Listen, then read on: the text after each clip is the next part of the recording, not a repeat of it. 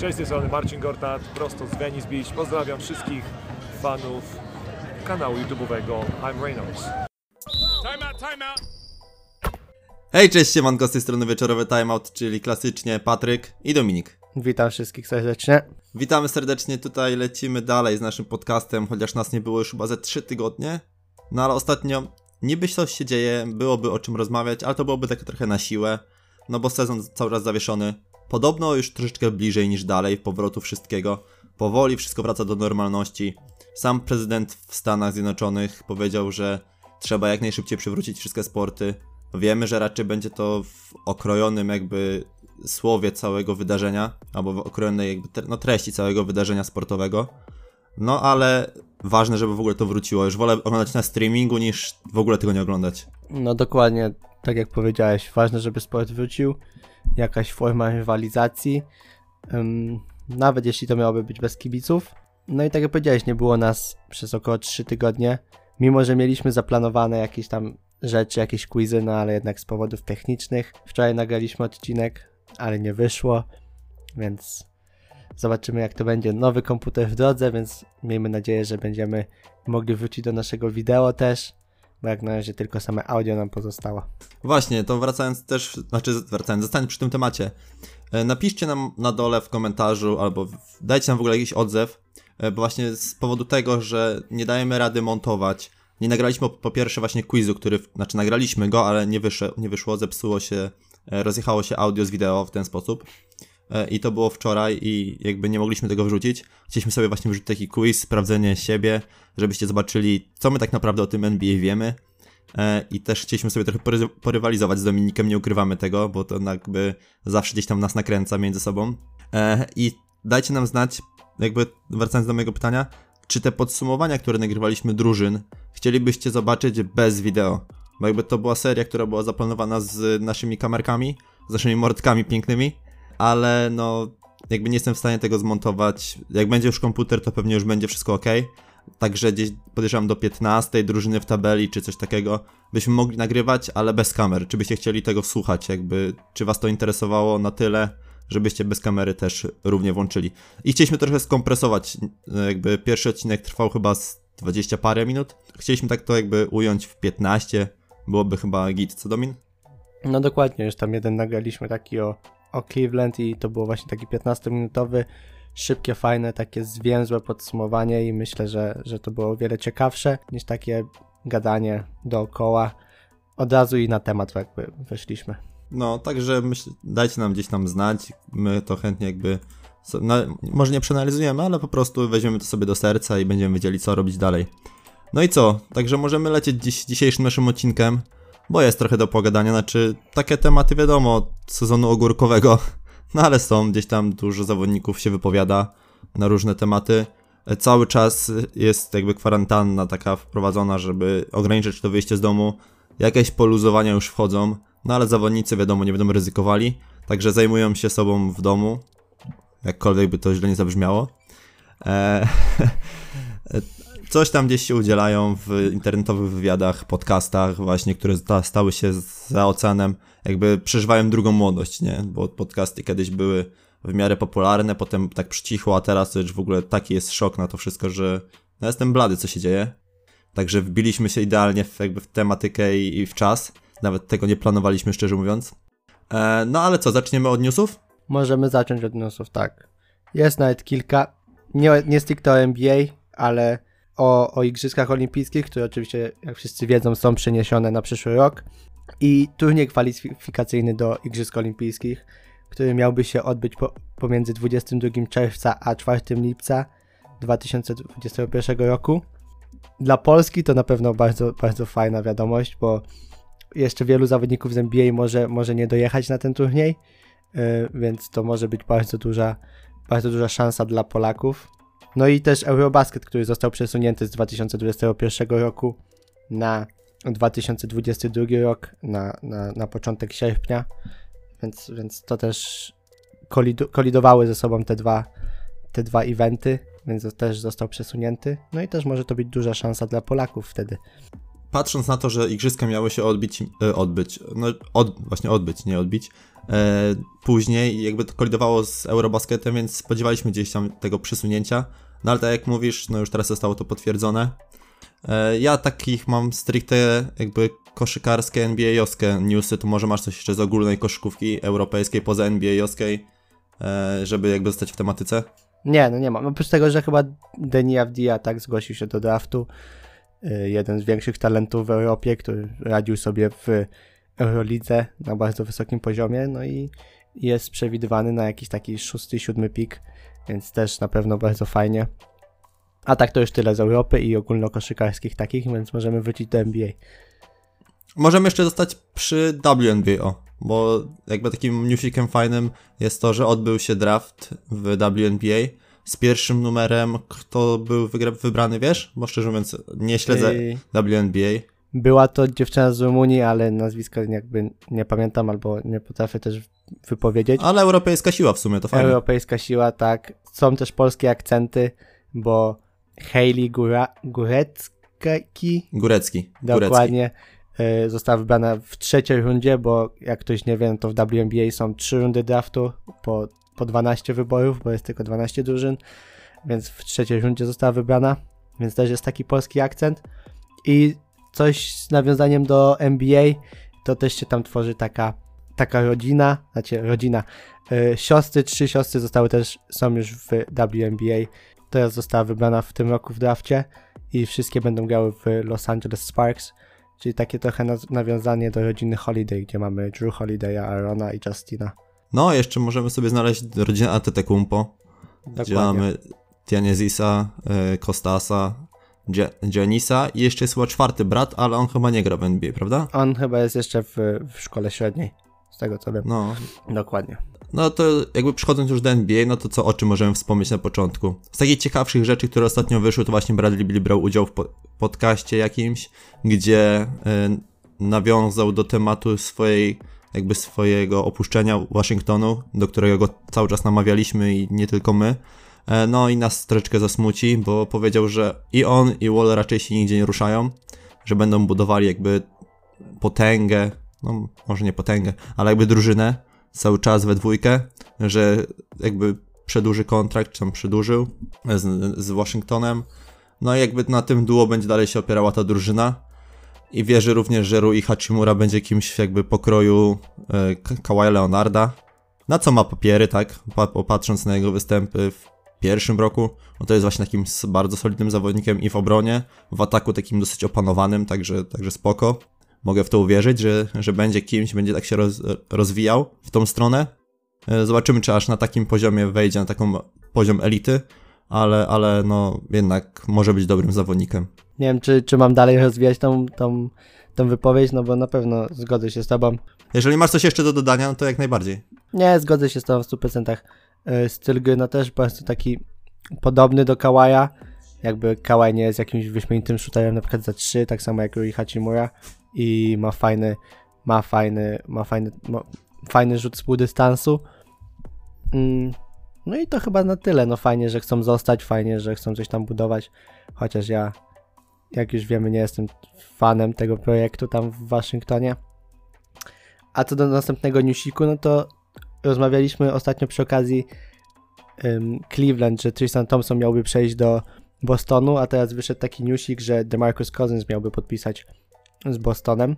W sumie wiesz, jedno nie wyklucza drugiego. Ale tam budżetu też nie ma za dużego. No ale w tym roku na przykład DMC, y, DMC tak miał y, kontrakt na 3,5 miliona w Los Angeles Lakers, więc może podpisałby taki sam w Bostonie, gdzie mógłby troszeczkę się odbudować i, i to miałby być taki krótki, te, krótkoterminowy, jednoroczny kontrakt na, na 3 miliony powiedzmy. No tak, no ale słuchaj, jakbyś był teraz na miejscu e, Bostonu, który chce walczyć tak naprawdę tu i teraz, no bo patrząc na ich skład, to jest skład na tu i teraz, no to raczej chyba poszedłbyś w Tristana Thompsona, który jest może trochę gorszym zawodnikiem ogólnie, chociaż nie wiemy jak, jaki Cousins może wrócić po kontuzji, niż w kogoś, kto dwa sezony z rzędu, jak wiesz, przesiedział na ławce z kontuzją. Jakby ryzykujesz to, że może ci się trzeci raz skontuzować i zostajesz bez centra, Tristan Thompson to jednak jakby, no grał. Nie, ja zdecydowanie, znaczy nie zgodzę się w ogóle z tobą. Jestem fanem talentu DeMarcusa Cousinsa I to nie dlatego, że miałem go w lidze w NBA i, i tam grał dla mnie wyśmienicie, ale myślę, że nawet on grając na 80-75% swoich możliwości byłby o wiele, o wiele lepszym zawodnikiem dla Bostonu. No i Boston miałby jeden z lepszych rotacji w lidze wtedy. No widzisz, ja to jestem z, akurat z tą tutaj niezgodny też, także to chyba możemy zapisać gdzieś w kalendarzu, bo to możliwe, że jest pierwszy raz, kiedy się nie zgadzamy w ogóle w czymkolwiek. No dokładnie. Znaczy ja bym był, wiesz, zwolennikiem tego, jeżeli miał, mieli być podpisani oboje, bo jak najbardziej też bardzo cenię Kazinsa. Yy, To, co wyczyniał przed kontuzją, to było naprawdę, można było śmiało mówić, że jest najlepszym centrem w NBA, albo przynajmniej top 2-3. Aczkolwiek jakby ja nie, nie ufałbym jego ciału bardziej niż mu, tak?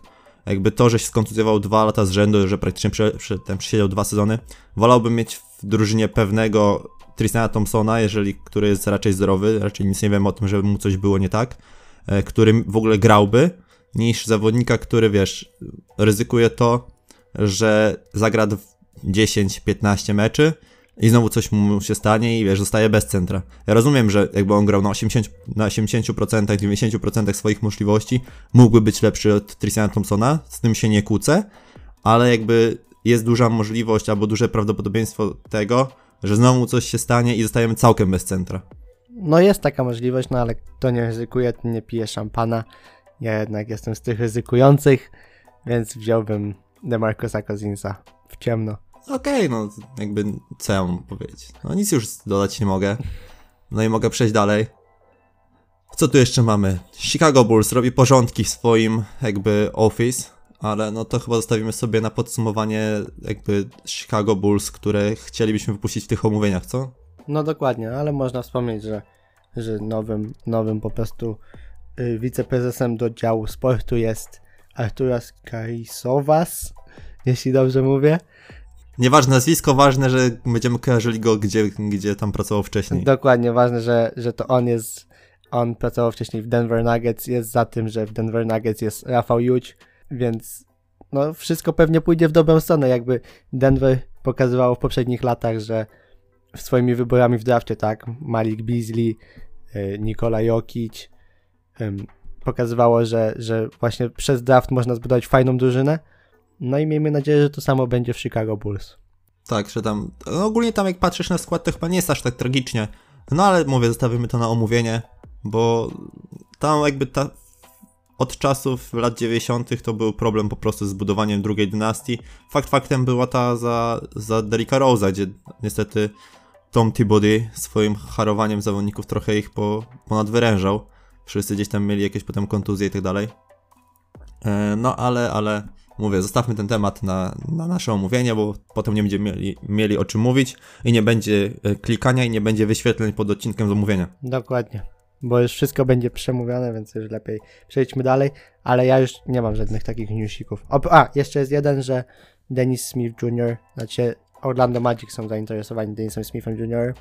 Chociaż nie wiem do końca czemu, bo to bardzo podobny profilem zawodnik do Markela Fultza, więc Trochę tak, trochę tak. nie wiem, czy druga taka jedynka będzie fajnie, będzie się wkompono, wkomponuje się w ten zespół, więc No a Marcus Fultz akurat się trochę odbudowuje w Orlando Magic, więc nie wiem, czy będą chcieli go gdzieś puścić, wątpię w to.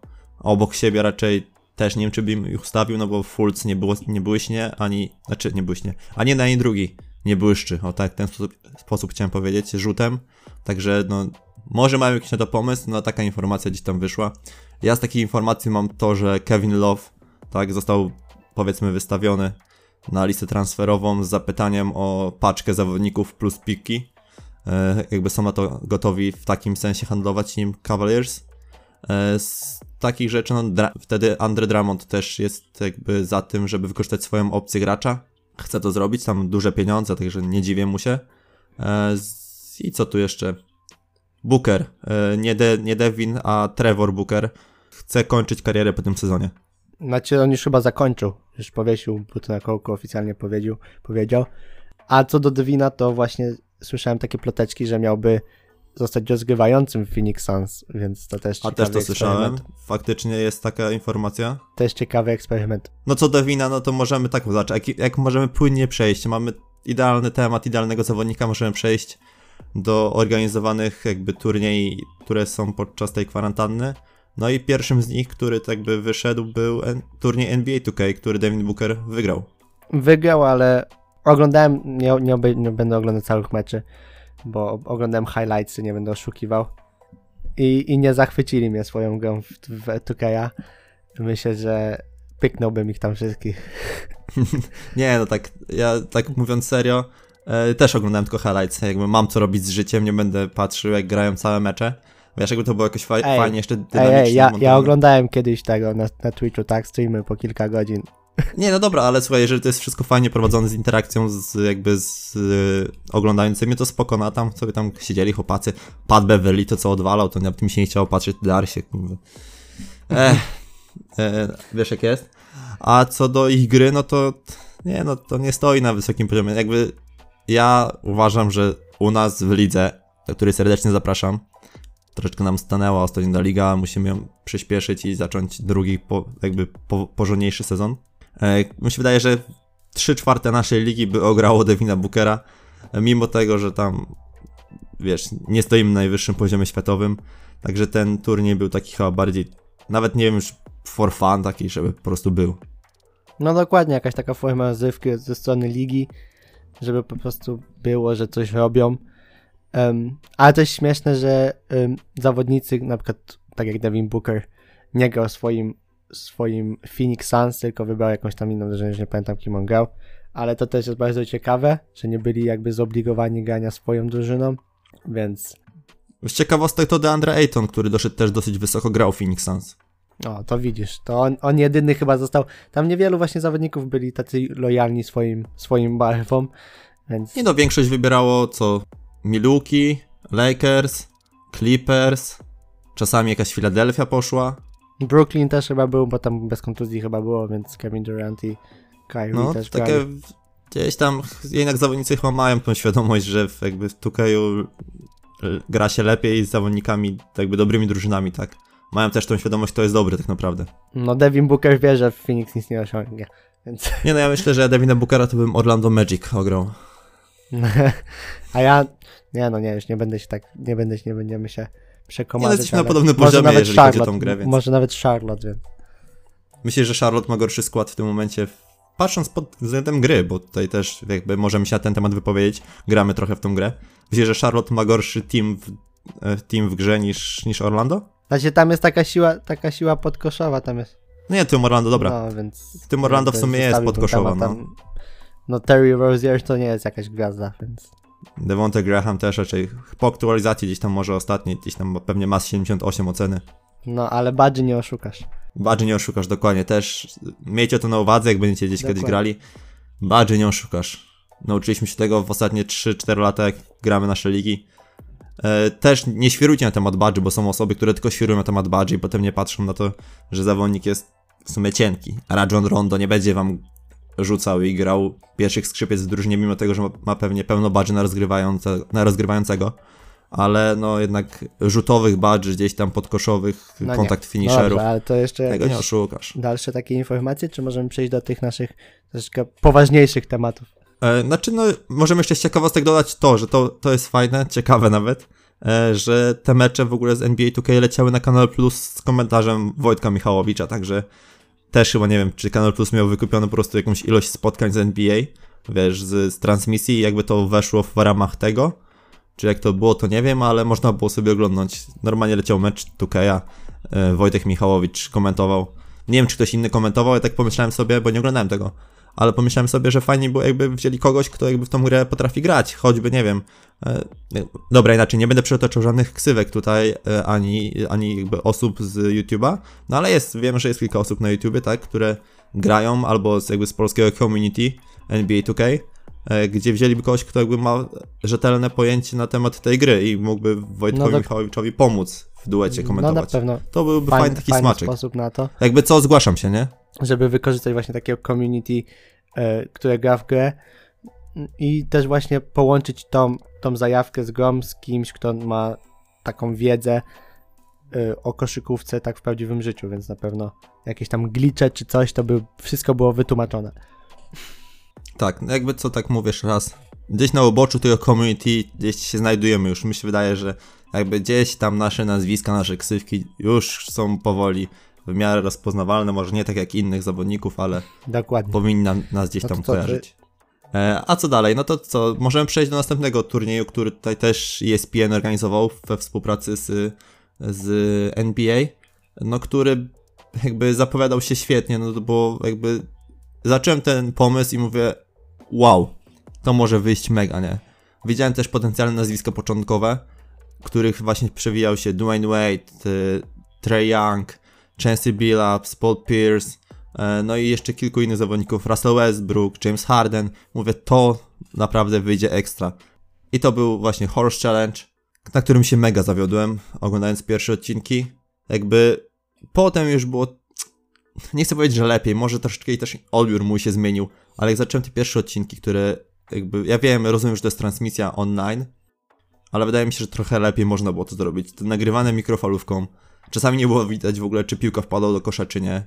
Takie mało dynamiczne to wszystko, takie no bez żadnego takiego... Nie zachęcało cię jakiegoś super do oglądania. Ja tylko oglądałem to z tego powodu, że jakby to jest coś, co chcemy też robić na YouTubie, tak? Bo mieliśmy w planach, żeby grać horsy, e, z, czy z gośćmi, czy gdzieś na wyjazdach i tak dalej. I nawet mam gdzieś tam sprzed nawet dwóch lat już e, jakieś horsy z e, Venice Beach, które raczej nie udostępnię nigdzie nigdy, bo raczej nie są wysokich lotów, e, ale tylko z tego powodu to właśnie oglądałem, a tak to wydaje mi się, że ten turniej, poza tym, że Mike Conley go rozwalił, to fakt, no to jakby Paul Pierce nie, trafił dokładnie, na miałem dodać, kosz. że Mike Conley, jakby ja oglądałem półfinały i finały i to też tym highlightsy, bo, bo było udostępnione na YouTube, tam 10-minutowy filmik z highlightsami. No i Mike Conley, mimo że borykał się z kontuzjami, jest oscenowany, to technika użytkowa jest na najwyższym poziomie, zdecydowanie. Prawa, lewa ręka to ja byłem blady i ściana do podłogi, jak tam rzucał sobie tą prawą ręką za trzy. I to obojętnie, czy, czy to miało być o tablicę, czy, czy z rogu boiska, czy z 45 stopni. Więc Mike Conley rozwalił tam wszystkich i jestem i szapoba. Jestem pod wielkim wrażeniem.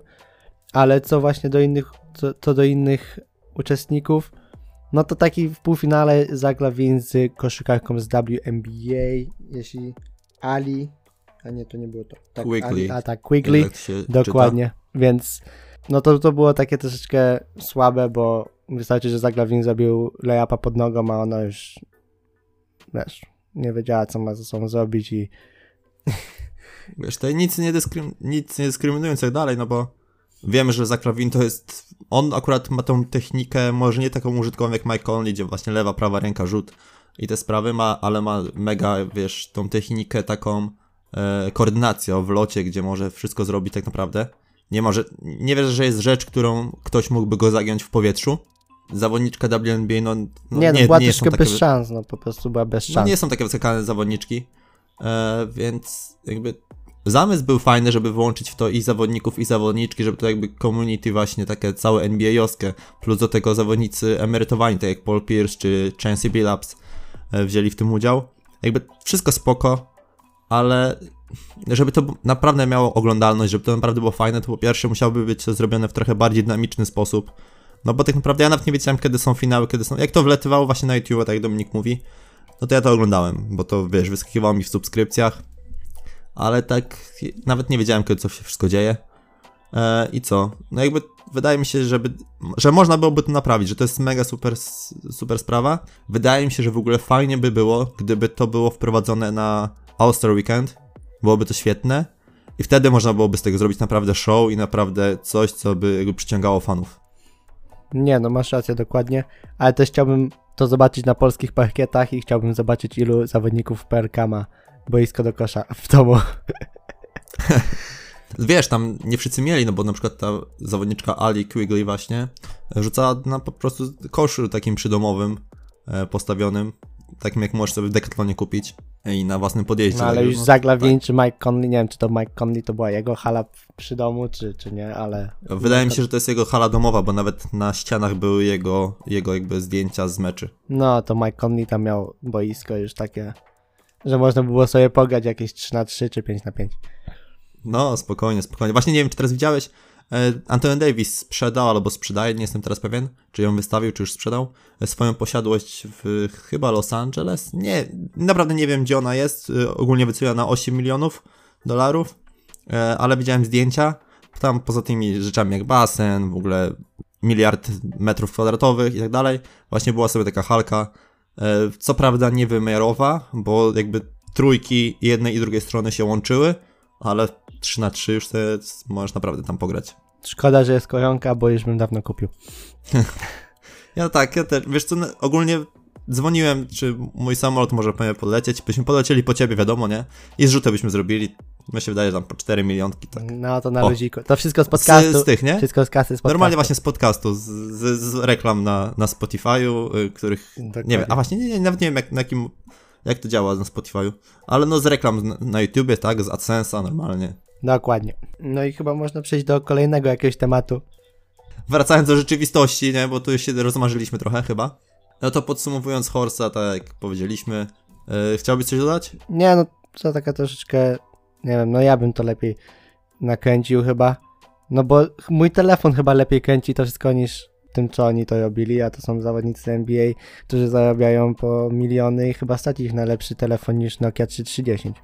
A, to właśnie, coś mi się teraz przypomniało, teraz mi coś wpadło jakby, e, myśląc o tym, jak to można byłoby lepiej zrobić i myśląc o tym, że wiesz, że to wszystko było jakby streamingowane online, ale z drugiej strony można byłoby to nagrać, wiesz, wrzucić, e, to przypomniało mi się, że właśnie była awanturka, nie wiem, czy z tym turniejem NBA 2K, gdzie Kevin Durant przegrał z Derrickiem Jonesem Jr., a Kevin Durant był jakby faworytem, e, bo to było właśnie nagrywane wcześniej, e, to nie było na żywo, z tego powodu, że jakby NBA bało się, żeby zawodnicy nie powiedzieli czegoś za dużo na tych, na tych transmisjach, tak?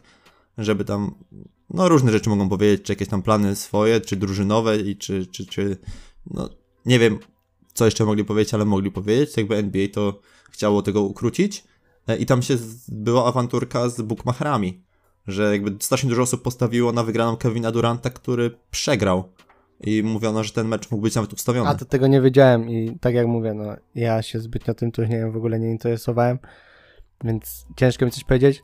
No ale zawodnicy chyba jednak są na tyle już też wytrenowani i mają, mają na tyle do czynienia z jakimiś ludźmi od, od PR i w ogóle, że myślę, że jakby mogą kontrolować swoją mowę.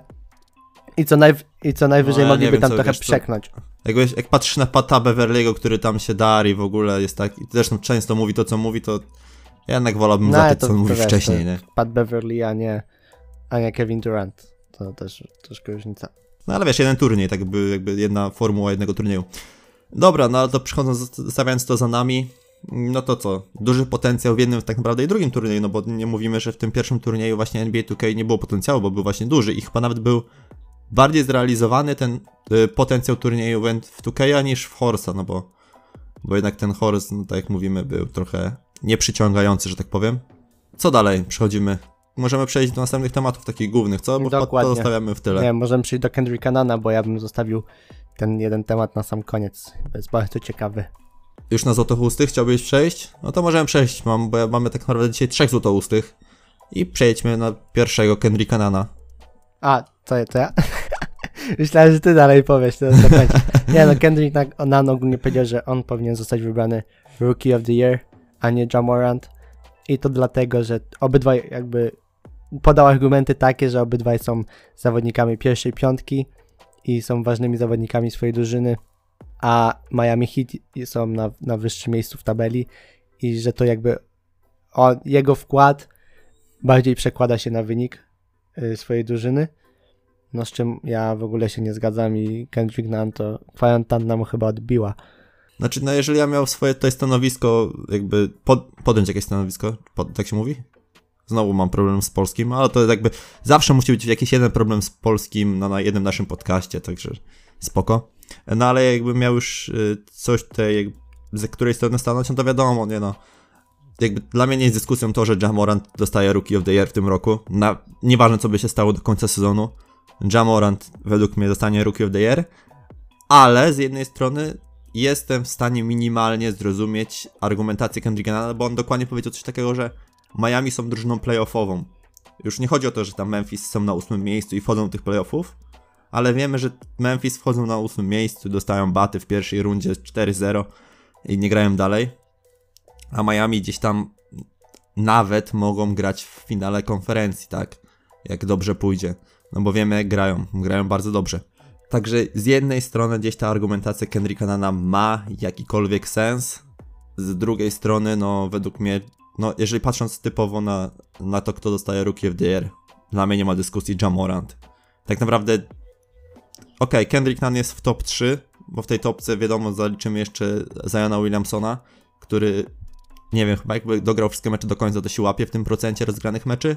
Gra też, no gra dobrze, no też mi troszeczkę, nie chcę powiedzieć, że zamknął buzię, no bo nie mówiłem nic złego, złego na jego temat, ani też aż tak bardzo nie uważałem, że jest zły, aczkolwiek nie spodziewałem się, że tak dobrze będzie grał. E, No i co? No i to tyle w sumie. Ja zawsze często lubię dążyć do jakiegoś, znaczy zacząć coś mówić, dążyć, dążyć, dążyć, dążyć i nie ma puenty, także puenta u mnie jest taka, że Jamorant Rookie of the Year, Kendrick Nunn ma troszeczkę sensu w tym, co mówi, ale troszeczkę się chyba zagalopował. No tak, ale też dodajmy na przykład to, że tak jak mówisz, no na pewno się zagalopował. Kendrick Nunn dopiero czwarty punktujący w Miami Heat, gdzie John Morant jest pierwszym punktującym w Miami Heat. I on nie jest tą główną strzelbą, bo tam No jest... tylko no, postaw teraz Miami Heat naprzeciwko Memphis no Grizzlies, tak, tak? ale no to jednak Rookie of the Year, no to są jednak indywidualności, to jest indywidualna statystyka dla mnie, według mnie, to nie jest jak MVP, gdzie to jest najbardziej wartościowy zawodnik i, i gdzie też troszeczkę według mnie sukces drużyny A powinien widzisz, się no i, liczyć. kurde, ja sobie zapiszę ten podcast normalnie, zapiszę ten podcast, bo znowu się z tą nie zgadzam, no ale skończ tutaj y, swoją myśl, ja gdzie według mnie jednak dalej. jeszcze sukces drużyny nie powinien się się w, M- w kategorii MVP y, sukces drużyny idzie w parze z najbardziej wartościowym zawodnikiem w kategorii Rookie of the Year nie do końca, bo jednak w tak jeszcze młodym wieku zawodnik po prostu nie jest do końca też liderem tej drużyny, jest jeszcze nieokrzesany, jest młody i wtedy liczą się bardziej troszeczkę te statystyki. No i Jamorant jest liderem swojej drużyny i ma lepsze statystyki. No to, że jest takiej organizacji, a nie innej, no to wiadome, tak, bo jednak te najgorsze drużyny dostają najlepsze piki, więc też nie możemy się dziwić, że to nie jest LeBron James, gdzie od razu wywinduje swoją drużynę do, do top 3, top 4, top 5. Ym, więc Kendrick Nunn jako czwarta siła jeszcze za Goranem Dra- Dragiciem, który w ogóle jest już podstarzałym troszeczkę dziadkiem. już ma tam z 33 lata. Dobra, bo teraz już wtedy. Ja mam dwie rzeczy do rozważenia, ale pierwszą właśnie. Pierwsza jest do, do Twojej wypowiedzi, a druga jest do jakby całkiem innego aspektu, ale też do Kendricka Nunna. E, A co do Gorana Dragicia, no to wiesz, chłop wchodzi z ławki, jest e, aktualnie Sixmanem w Miami, no i robi robotę mega. Ale wracając do tego, co Ty właśnie powiedziałeś. Według mnie właśnie tak nie jest. Według mnie Rookie of the Year to jest takie małe MVP. Tylko, że inna jest różnica, bo jakby nie rozpatruję tego też na, jakby nie przeliczając tego na, na, na zwycięstwo drużyny, o tak, kurde, troszeczkę się zamotałem, ale chodzi mi o to, że tej nagrody nie przeliczam na zwycięstwa drużyny, to jest wiadome, tylko na jakby to, co pokazuje zawodnik, ale ważne jest dla mnie też to, że zawodnik pomaga drużynie być lepszej, jakakolwiek ona by nie była, tak, no bo spójrzmy takiego Lukę Doncicia, on w zeszłym roku może nie był najlepszym punktującym i tak dalej, e, albo inaczej, jakbyś miał teraz przed sobą Donowana Michela ze swojego rookie season i Lukę Doncicia, no to komu byś dał Rookie of the Year? No Luce, bo jednak wywindował, miał statystyki też fantastyczne. Kręcił już triple double. I No tak, no ale patrząc na przykład na to, kto miał lepsze, takie, był takim skorerem i tak dalej, i miał takie pojedyncze statystyki, no to wydaje mi się, że Donovan Mitchell, nie, nie chcę też da, da, dać troszeczkę gaf teraz, bo nie znam ich statystyk na pamięć, ale w głowie mi zapadło to, że Donovan Mitchell miał bardzo dużo statystyk takich indywidualnych, a za to Luka Doncic jakby sklejał tą całą drużynę, tak, i miał, miał coś, co właśnie jest taką małą nagrodą MVP, no tak? tak, ale jakby w zeszłym sezonie Miami też było drużyną playoffową. Czyż nie? No, A, a powiedzmy Memphis Grizzlies. Memphis Znaczy, no Grizzlies było, w zeszłym okej, sezonie do- mieli bilans dobra, ale 33-49. W tym sezonie już mają bilans 32-33, czyli jakby jeszcze jest 16 meczy do końca, a już mam tyle samo wygranych co w zeszłym sezonie. Czyli jednak Jamoran sprawia, że jego drużyna jest wiele lepsza. No tak, tylko że wiesz, no mówisz, że Miami było, wiesz, drużyną playoffową, ale tam strasznie duże zmiany przeszły. Po prostu Miami, odkąd LeBron się tak naprawdę odszedł, to cały czas było drużyną playoffową, a cały czas było inną drużyną. No jakby Pat Riley robi to na tyle zarazem dobrze i na zarazem źle, bo ja się przed tym sezonem bałem, w którą stronę idzie teraz ta, ta, ta drużyna. I właśnie Pat Riley mega mocno mnie zaskoczył tą drużyną, co się stało w tej drużynie na, na plus. E, Ale ta, wiesz, oni chcieli zbudować tam drużynę jak najszybciej na teraz, żeby pokazać, że jak LeBron odchodzi, to się dynastia nie kończy, tak jak, jak jest w Cleveland czy gdziekolwiek indziej. Także ta, ta, ta, drużyna zawsze gdzieś tam trzymała poziom. E, I okej, no oboje się zgadzamy, że Jamorant powinien dostać tę nagrodę, to ja mówię właśnie o tym, że akurat Jamorant, to tak jak mówię, Kendrick Nunn się zagalopował. Ale jakby sama definicja dla mnie tej nagrody to jest dla mnie taka mała nagroda MVP, gdzie nie liczą się tylko indywidualne e, statystyki zawodnika, tylko to, że zawodnik jakbym miał wybierać pomiędzy zawodnikiem, który ma mega statystyki, takie powiedzmy na poziomie 30 punktów, nie wiem, i do tego kilka zbiórek, kilka asyst, tak po trzy powiedzmy, a miałbym wybierać zawodnika, który sklecił całą drużynę i ma statystyki na poziomie, nie wiem, 21 punktów, 6-7 asyst i kilka zbiórek, no to wybieram zawodnika numer dwa, który jakby bardziej się przyczynia do zwycięstw drużyny. Chyba mnie nie słuchałeś, co? Nie, nie, słuchałem, ale. Ale no, jeszcze czytałem, szukałem jakichś informacji, teraz szybko, tak, na szybko. E, nie wiem, no dla mnie Jamorant i nie wiem, gada troszeczkę głupoty. E, Kendrick Nunn, według mnie, nie zgodzę się z nim nawet w dwóch procentach, więc dla mnie Jamorant jest w 100% MVP, znaczy MVP, e, Rookie of the Year. E, Jego drużyna też jest drużyną playoffową na ten moment, mimo że z ós- ósmego miejsca jest nadal drużyną playoffową też, więc nie wiem. Nie, mnie dobra, no to zostawmy ten temat. Posłuchajmy naszych słuchaczy, co jeszcze mieli do powiedzenia, właśnie dodania, co wy myślicie na ten temat. E, ale zaznaczmy na sam koniec i dla mnie, i dla Dominika Rookie of the Year bezdyskusyjnie Jamorant. Ale powiedzcie, co sądzicie bardziej o nagrodzie Rookie of the Year. Kim dla was jest prawdziwy Rookie of the Year? Dla mnie to ziomek, co kręci staty. No, a dla mnie zawodnik, który no. od samego początku sprawia, że drużyna jest lepsza. E, patrz, nie wiem, Luka Doncic i tak dalej, i tak dalej. Zresztą Jamorant też. No ale Bo Jamorant jakby oglądaj że jest Jamoranta. Ja, nie, ale właśnie o to mi chodzi, że Jamorant zasługuje tą nagrodę jak najbardziej, bo on się wpisuje w te kanony, która jakby, który zawodnik sprawia, że drużyna jest lepsza. Jak ja oglądam jego grę, to on naprawdę mega sprawia, że drużyna jest lepsza. On jest tak dojrzały, jakby grał w tym NBA już kilka lat przynajmniej. Albo miał przynajmniej super mentora w tej drużynie, a którego nie ma. No nie ma, nie ma, niestety. Znaczy, bynajmniej nie na swojej pozycji, tak? No bo jest tam jakiś Valanciunas czy ktoś, no ale na swojej pozycji nie ma nikogo takiego, więc możemy przejść do następnego tematu, bo ten już chyba się pokłócimy zaraz. Pobijemy się. Tak, wszystko. Tutaj widzisz, może to ta kwarantanna na nas tak działa, że tym razem nie jesteśmy już zgodni.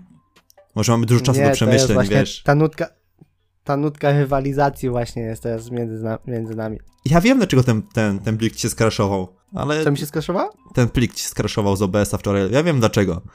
Właśnie do mnie do, No to tak, ale doszło. to bez różnicy jak bez różnicy jak ty na wideo miałeś, że kończymy quiz, a my już kończyliśmy podsumowanie. No nie o to chodzi, że, że ten, ale ja wiem dlaczego, dlaczego tobie się skraszował. Mi to tam mniejsza Ja o to. mi się 6 minut nagrało, 6 minut. Tak, w te pierwsze 6 minut, na których prowadziłeś. Nie właśnie, chyba. Właśnie nie, nie pamiętam, że usunąłem. Dobra, przejdźmy dalej. To co, podyskutujmy sobie dalej i porozmawiajmy o tym, co powiedział Andrew Drummond, e, który jakby przyznał, z, jak powiedział, nie wiem jak to nazwać dokładnie, no uznał siebie za najlepszego zbierającego w historii ligi. Ja sobie sprawdziłem kilka statystyk, zresztą sam wiesz, bo robiłem to przy tobie. I jakby statystycznie, kurde, no chciałem zagiąć go, nie?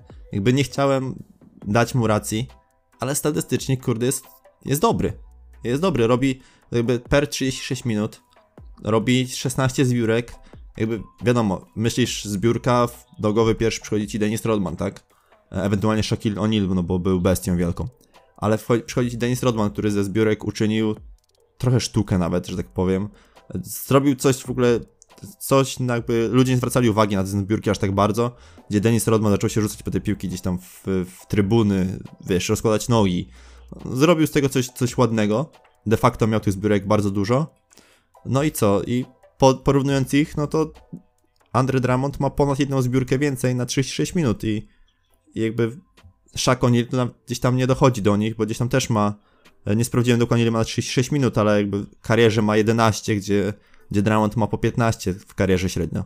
Znaczy ja już właśnie jak, sprawdzałeś te statystyki, to już miałem w głowie tam, chciałem trochę bronić Damonda, bo mówię, no teraz to rozgrywający albo w ogóle tam em, obrońcy y, rzuc, y, jakby zbierają więcej tych piłek niż kiedyś. Już chciałem go troszeczkę bronić, ale jednak, ale jednak Under nawet broni się z tymi statystykami i moje argumenty to i tak są do niczego.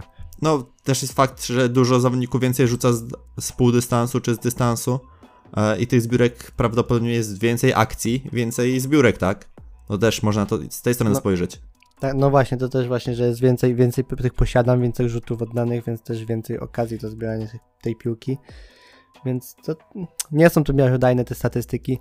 Na pewno, znaczy miarodajne, ciężko jest je porównać po prostu, bo to też dwie inne jakby epoki i dwie, dwa inne style gry. Dennis Rodman na pewno musiał się o wiele bardziej nabić i pobić o tę piłkę niż, niż Under Diamond, bo tutaj to... I sam fakt, że kiedyś jakby bardziej walczyli o te zbiórki tak zawodnicy niż teraz to robią. E, Teraz to raczej pole 3 sekund jest puste, bo wszyscy stoją na obwodzie, więc jak taki center jak Andy Drummond, który no jakby tym rzutem ani nie grozi, ani nic i stoi pod tym koszem, to jakby ma więcej tych okazji do zbiórki, co jakby Dennis Rodman, no nie można mu odebrać tego, że musiał się bić, nie wiem, z Charlesem Bar- Barclayem, czy, czy, Dan- czy Robinsonem, No, był taki Tak. David Robinson w San Antonio Spurs, ale to chyba Robinson, dokładnie, chciałem powiedzieć Duncan Robinson, ale nie wiem czemu. Duncan Robinson? A, właśnie. No to No, ja nie wiem, to- czy oni się bili, nie? Ale Duncan Robinson, fakt faktem najmłodszy nie jest, chyba 25 lat ma, nie? Ale on tak, wiesz, No właśnie mi się pomyliło, ale właśnie David Robinson, czy jakiś tam Patrick Ewing, więc na pewno musiał się troszkę bardziej, czy Karl Malone, musiał się troszkę bardziej nabić, o- pobić o te piłki niż Under Demont teraz, więc na pewno nic mu, nic mu nie ujmę. Z jednej strony tak, z drugiej strony wiesz, no patrzysz na Szaka, który też tych zbiórek nie miał aż tak dużo, e, a był wielki. E, Właśnie sprawdzam, wiesz, co sobie Dwighta Howarda z ciekawości. Total Rebounds. Nie wiem jak to przesunąć. O dobra, kurde nie przesuwa mi się do Total Rebounds. Muszę rozszerzyć sobie okno e, od przeglądarki, a w moim komputerze to wiesz, to trwa e, kilka minut. Ja właśnie jeszcze sprawdzam na przykład, Nie. chciałem porównać takiego jeszcze Wilta Chamberlaina. Ile on... Wilta Chamberlain. No nie no, Will Chamberlain, dobra, no ale nie porównujmy Wilta Chamberlaina czy Billa Russella, gdzie wiesz, oni stali tylko pod koszem i dobijali własne rzuty. No tam ludzie mieli po 1,20 w kapeluszu wtedy. i grali, wiesz, jak Will Chamberlain wszedł do ligi, to tam była naprawdę no, całkiem inna gra. Patrzę sobie Dwighta Howarda, który ma w całej karierze ma 12,3 zbiórki. Także no też jakoś super nie stoi, a Yao Ming i a, o Ming. Yao Ming, właśnie sprawdźmy sobie jego statystyki w karierze. E, statystyki w karierze Yao Minga, total rebounds. Ojejku, ten to w ogóle średnio stoi. 9,2 zbiórki w karierze. Średnio. No ale jednak Szak zawsze twierdził, że bardzo ciężko mu się grała przeciwko zawodnikowi z Chin, więc No a jak ma się grać przy, przy zawodniku, który ma, nie wiem, z 2,21? Ile on miał dokładnie? z 2,30 pewnie, pewnie. Czy ile miał Ming? Bo tutaj znowu nie mam. Ming. Yao. No bo na reference nie ma e, wzrostu tak podanego. Yao Ming 2,29. No to nie dziwię się, że Szakowi się źle, źle grało, jak Szak chyba miał z 2,16. No ale to wiesz, to chodzi o to, że Szak to i tak był taki czołg, a jednak Jaoming nie był jakiś nabity. I mówił, że bardzo był bardzo silny i w ogóle, no tam, wiesz, jak zbierasz już cały dzień, no to tak jest. Nogi masz silne. To mam do ciebie teraz taki temat, który nie był, nie mieliśmy zapisany, a też tak mi wpadł. E, To Ben Simmons na przykład powiedział, że James Harden jest mega silnym zawodnikiem, e, który jest mega niedoceniany i też całkiem niezłym obrońcą, gdzie dużo osób też na niego narzeka, że jest, że bardzo słabym obrońcą jest. Także no, nie wiem, może ty się wypowiesz też na ten temat, bo ja uważam, że, Że że trochę w tym racji jest, jest. Znaczy, Takie nieprzygotowane pytanie, niespodzianka, które mi właśnie wpadło do głowy. jakby uważam, że też nie, nie znamy założeń trenera, tak? I ile razy jest tak, że gwiazda zespołu gdzieś ma stać już z boku albo się nie przemęczać w obronie, bo ma rzucać punkty i jest od tego. Więc też nie znamy tych założeń trenera i nie wiemy, jak to tam działa.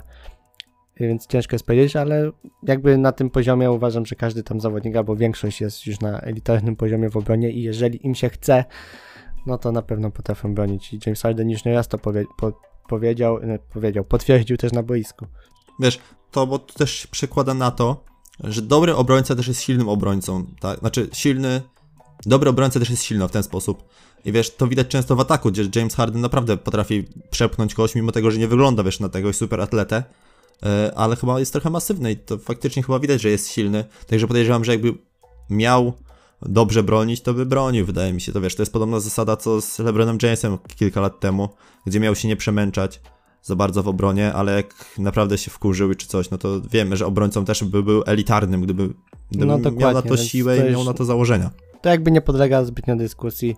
Ja uważam, że James Harden, jakby to są bardziej założenia tenera i Mike, Mike'a D'Antoniego, y, jak oni bronią i jak on broni, y, bo ile razy tak było, gdzieś nawet u mnie w klubie, jak grałem, że ta, ta gwiazda to gdzieś miała właśnie tak stać w rogu, albo były takie switche zaplanowane, że żeby on właśnie krył kogoś tam w rogu, żeby stał i, i w ataku potem rzucał po x punktów, więc No, także no, widzisz, mamy tylko podobne zdanie.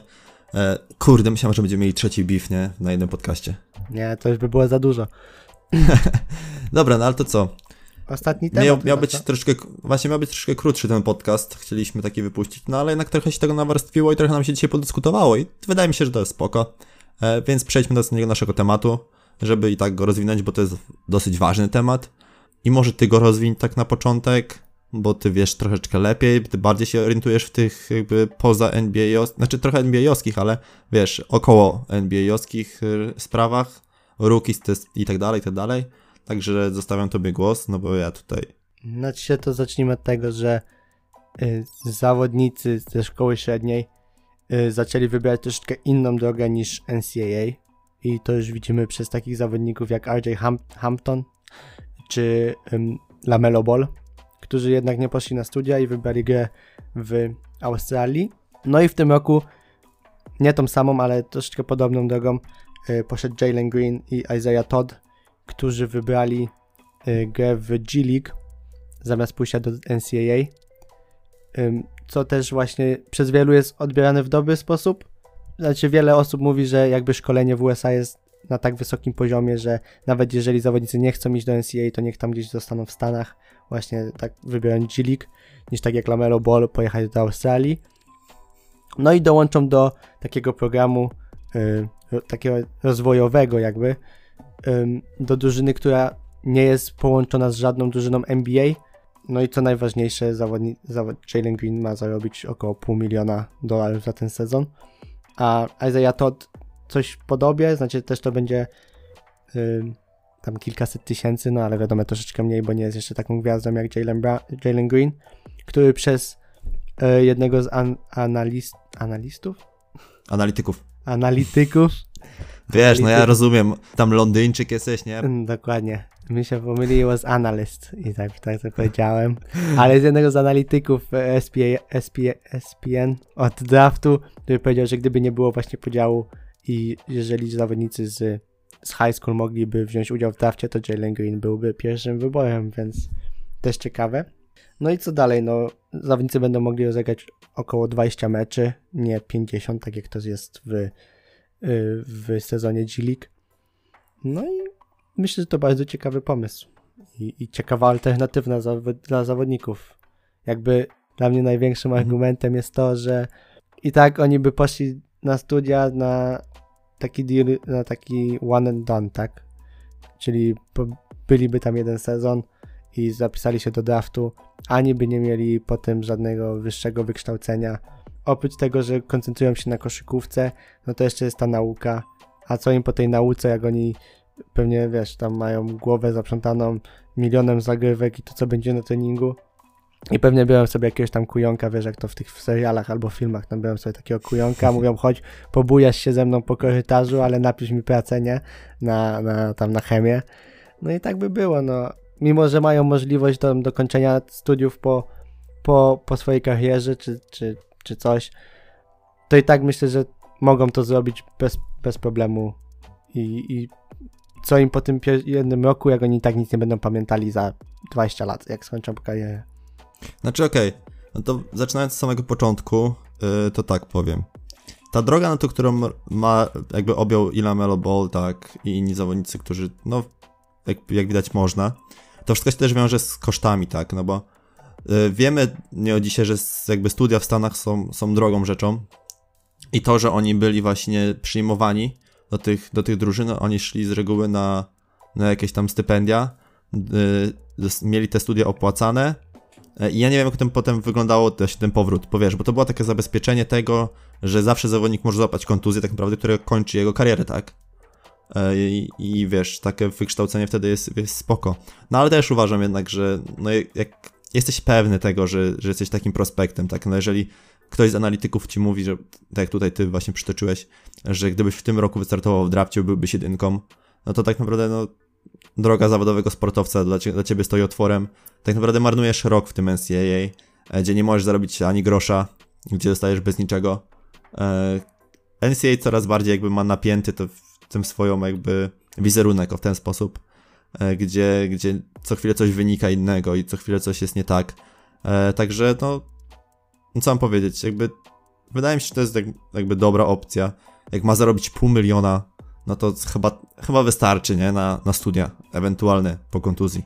No i nawet wiesz, jak już będzie w tym drafcie i podpisze ten kontrakt, to to jest jakiś tam gwarantowany kontrakt na, na 3 czy 4 lata. I tam wiesz, za pierwszy pik to już zarabiasz 7, tam 7 milionów na rok, na sezon.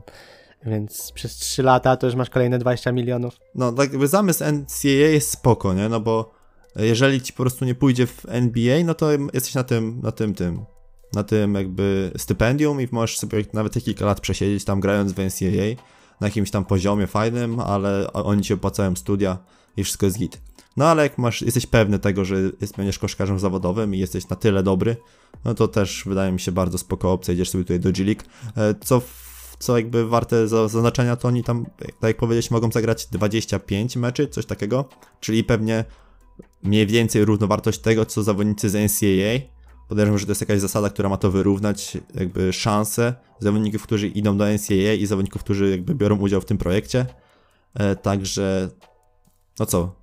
No to tyle, tak, to, tak, to samo co wcześniej. Mówię, mówię, mówię i nie ma jakby do końca puenty, także. Nie, ja jeszcze dodam, znaczy sam fakt, że jakby ta drużyna ma grać e, w, w Los Angeles też na pewno przekonuje tych zawodników, no bo kto by nie chciał mieszkać w Los Angeles. Po drugie, to też jest jakby gra w NCAA, a gra w G League. Myślę, że to są w ogóle dwa inne światy.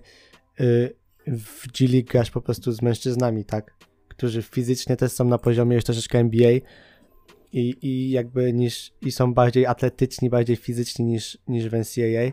Wiadomo, fajne jest to, że to, że to nie jest drużyna, która jest jakby zapleczem jakiejś drużyny NBA, no bo to by im troszeczkę dało duże, duże, duże pole do, do poprawy i, i na pewno taka na pewno taki kontakt właśnie z, z trenerami z NBA, no to troszkę było nie fair to wobec zawodników, którzy są w NCAA, chociaż tam jest tak Mike Krzyżewski czy, czy inni właśnie trenerzy, no to na pewno są też wielkimi e, wielkimi mózgami koszykówki i, i nie jedno już widzieli i, wio, i wiedzą. A jeszcze chciałem dodać jedną rzecz, ale właśnie zapomniałem, więc nie pamiętam. Ja też właśnie mi przypomniałeś tym, że ty zapomniałeś, tym się przypomniał, co chciałem jeszcze dodać o Kendricku Nanie, bo była taka jedna rzecz. E, I może teraz ją rozwinę w sumie, bo warto, bo jakby to się wszystko łączy z tym, e, z tym jakby zawodowstwem i tak dalej, bo bardzo ważnym aspektem właśnie w tym wszystkim, tej wypowiedzi Kendricka Nana, musimy ją też brać trochę z dystansem, bo wiemy, jak są zawodnicy w NBA, z reguły ci młodzi zawodnicy to już w ogóle, ale to też jest coś, co pozwala osiągnąć sukces później takim zawodnikom. To jest to, co właśnie Dame Lillard ostatnio mówił, tłumacząc, czym jest Dame Time, czyli z tą pewnością siebie, to, co robisz i w to, co robiłeś wcześniej, tak? Jeżeli wiesz, że trenujesz najlepiej jak możesz i robisz najlepiej, co możesz każdej nocy, kiedy wychodzisz na parket i wtedy jakby, wiesz, ci zawodnicy często mówią dużo, że, że są najlepsi, że zasługują na najwięcej i tak dalej, i tak dalej. Jakby bierzmy też to z, z przymrużeniem oka, to co mówią zawodnicy młodzi z reguły w Stanach, E, właśnie rookies i tak dalej, no bo tak, na, tak naprawdę wyobraź sobie zawodnika, który wychodzi teraz i mówi, że nie, to wiesz, mi się ta nagroda nie należy, co ty, nie? Jakby trzy czwarte zawodników ci wyjdzie i powie, no jasne, że ta nagroda jest dla mnie, nie? Gram najlepiej jak mogę i jestem najlepszy, nie? Jakby to jest coś, co raz, że pozwala odnosić sukces, ale dla nas my powinniśmy to brać z przymrużeniem oka, no bo po prostu oni też, nie wiem, czy mają to wyuczone, czy, czy tak po prostu jest, już mają zakodowane to w genach. Nie mam zielonego pojęcia, no ale tak ci zawodnicy podchodzą.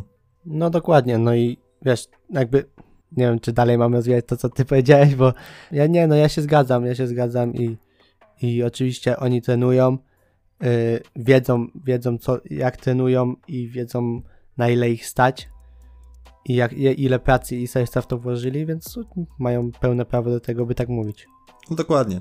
No i co? No to jakby ten G-League, chcemy jeszcze coś rozwijać w tym G-League? Chyba nie. To jakby podsumowując, uznajemy to A, za dobry a, projekt ja- i ja- chyba tak. tyle, co? Ja, ja troszeczkę już przypomniałem sobie, co chciałem powiedzieć i to fakt, że jakby NBA, NBA samo zakazało tego, że, że zawodnicy po szkole średniej mogą y, przystąpić do draftu i, i kazali iść im na studia.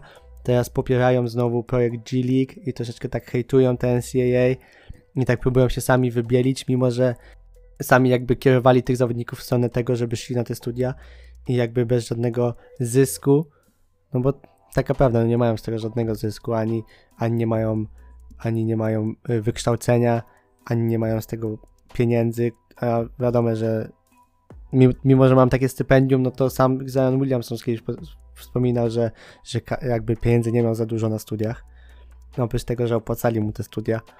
Więc teraz jakby NBA się próbuje wybielić, no już chyba niedługo jakby zawodnicy po szkole średniej mają mieć znowu prawo przystąpienia do draftu, ale nie, nie pamiętam dokładnie za, za ile, chyba za dwa lata, czy? Wiesz, no nie będę tutaj mówił ani na lewo, ani na prawo. No jakby nie, nie będę mówił, czy to był dobry, czy nie, z jakby wcześniejszy, wcześniejsze decyzje, bo nawet nie wiem do końca, o co tam chodziło. Ja rozumiem tą logikę, bo tam wszyscy mówili o tych studiach po prostu, żeby je zacząć, żeby je rozpocząć, a ewentualnie skończyć, kiedy, kiedy ci nie pójdzie.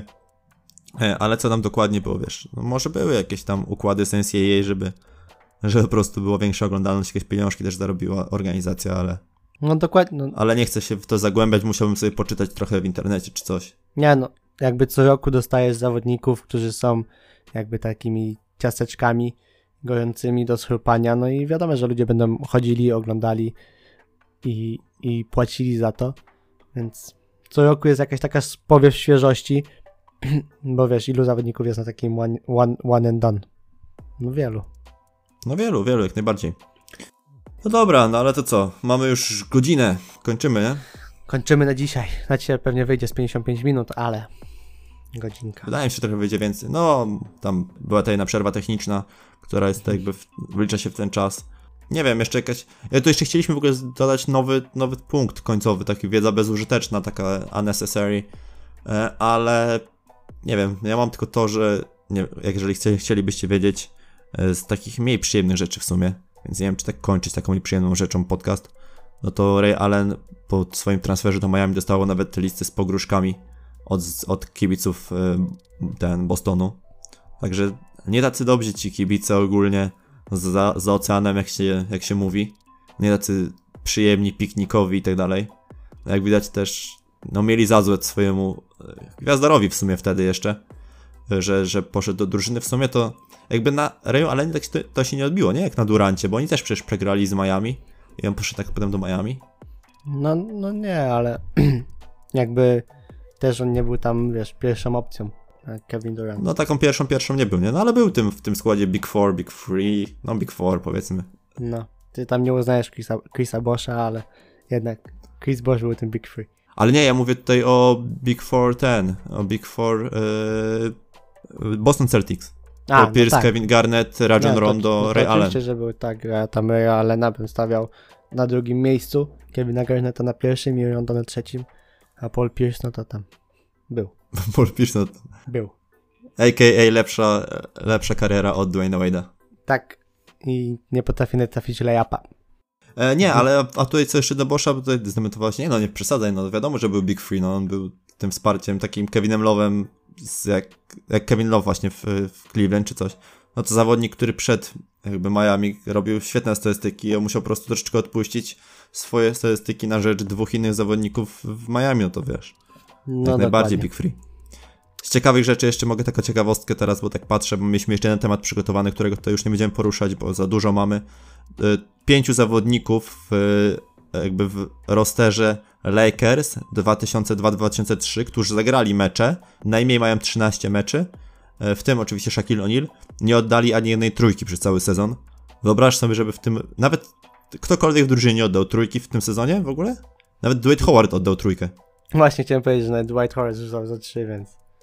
Więc nie, no Także teraz wiesz. to wiesz, teraz każdy rzuca, taka moda. Kiedyś to kiedyś, kiedyś to były jakieś rolerze, wiesz, tam duży pod koszem i się tam upycha, a teraz to duży tam, wiesz, pick popy. Pick and pop. No, wiesz, na niski to wchodzi i wiesz, tam jest dużo miejsca, wystarczy Russella Westbrooka, który, który wchodzi. O, to też takie fajne, następna ciekawostka na propos trójek, e, to w NBA 2K, e, nie wiem czy teraz, czy po aktualizacji, czy na starcie, bo widziałem tylko taką grafikę, więc e, takie super daje niepotwierdzone info, także brawo dla mnie. No ale był taki moment, że statystyka rzutów za 3 e, Russella Westbrooka i Dwighta Howarda wynosiło tyle samo. 60 do mi, zostaw ten długopis, bo kurde, nie mogę skończyć.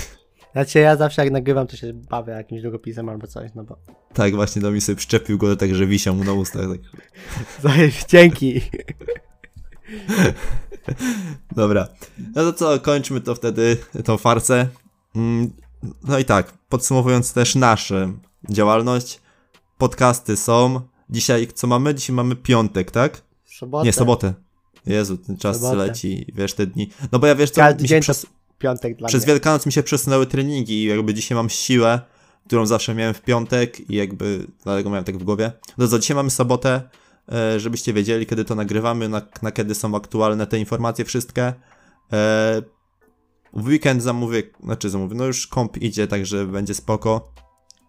E, Będziemy robili wideo. E, Będziemy robili dużo fajnych rzeczy, nawet na odległość, no ni- niestety jest jak jest. Będziemy starali się to jakby ogarniać, więc jakieś quizy wlecą w porozumieniu z innymi youtuberami, do których tam gdzieś tam napisaliśmy, bo to są rzeczy, które my planowaliśmy, szczerze mówiąc, mimo tego, że jakby sami je wymyśliliśmy, ale patrząc potem, oglądając YouTube'a i tak dalej, okazało się, że kilka rzeczy wymyśliliśmy podobnych bardzo do rzeczy, które są już na YouTubie. Więc napisaliśmy kilka maili, każdy był raczej pozytywnym odbiorem, pozytywnym odbiorem. E, No i co? No i super, będziemy po prostu te rzeczy robili. Także jakieś quizy powrotują, jakieś inne rzeczy. E, A jak tylko do mnie będzie mógł przylecieć i, i albo ja do niego, albo on do mnie, zobaczymy jak to wyjdzie. E, Czy razem gdzieś polecimy, nawet może nie ominiemy Polskę i Londyn. Londyn powiedziałem, jakby to był jakiś kurde kraj inny. No ale Normalnie. wiadomo, że wiadomo, że jak ty przylecisz do Polski, to lecisz do Włocławka, więc powiedziałem Polska. A jak ja przylecę do, do Anglii, no to lecę do Londynu, także Dokładnie. ominiemy Polskę i Londyn. Już dawno nie byłem we Włocławku w ogóle. Ciekawe. No to kurde, nie no. Mówię, jak będzie tylko jakaś opcja, żeby się spotkać, no to będziemy robili wszystko, żeby, żeby było jak najlepiej, żeby nagrać jak najwięcej materiału, nawet żeby był na zapas, bo Dominik y, będzie musiał tam wrócić. Nie wiem, jak to będzie z, z planami teraz powrotu Domina do, do, do ojczyzny, y, bo były takie plany. Y, Przedyskutujemy sobie to jeszcze, kiedyś wam damy info, jak tu będzie już jakieś sprawdzone info, ale na razie jest tak, że, że działamy zdalnie. Y, I co? No to chyba tyle, co? Dokładnie, ale nie zdradzaj moich planów na życie, dobrze? Publicznie. Dobra, to co? Nie, no. Wytniemy to najwyżej. Wytniemy. Nie, nie, nie, no nie musisz ucinać. Wszystko wiadome. Każdy, kto Dobra. nas słucha, to i tak wie. Dokładnie. No i co? To co? Tyle na dzisiaj. Dziękujemy Wam bardzo serdecznie. Pamiętajcie, że jeżeli Wam się podoba, no to zostawiacie łapeczkę. E, Jeżeli Wam się nie podoba, nie zostawiacie łapeczki w dół. jeżeli e, chcecie z nami podyskutować, ma, jesteśmy dostępni na wszystkich social mediach. E, Możecie komentować na dole, będziemy odpowiadali na komentarze. I co? I subskrypcja ewentualnie. Chcecie być na bieżąco z tym, co robimy. Wiem, że ciągle obiecujemy, że będzie coraz lepiej, ale będzie coraz lepiej, także Oglądajcie reklamy, się. żeby kasa była na kompa. Tak, które mamy aktualnie wyłączone. A. To, to nic, to trzeba włączyć. Trzeba włą- I tak zrobimy, wiesz, tak gęsto, co 10 minut. Co 10 nie, to co 5. Żeby Co pięć- komp, nie wiem, czy jak się da, musi ale zwrócić. okej. Komp się musi zwrócić. Dobra, to trzymajcie się i pamiętajcie, ball is life. And stay tuned. Pozdro. Time out, time out.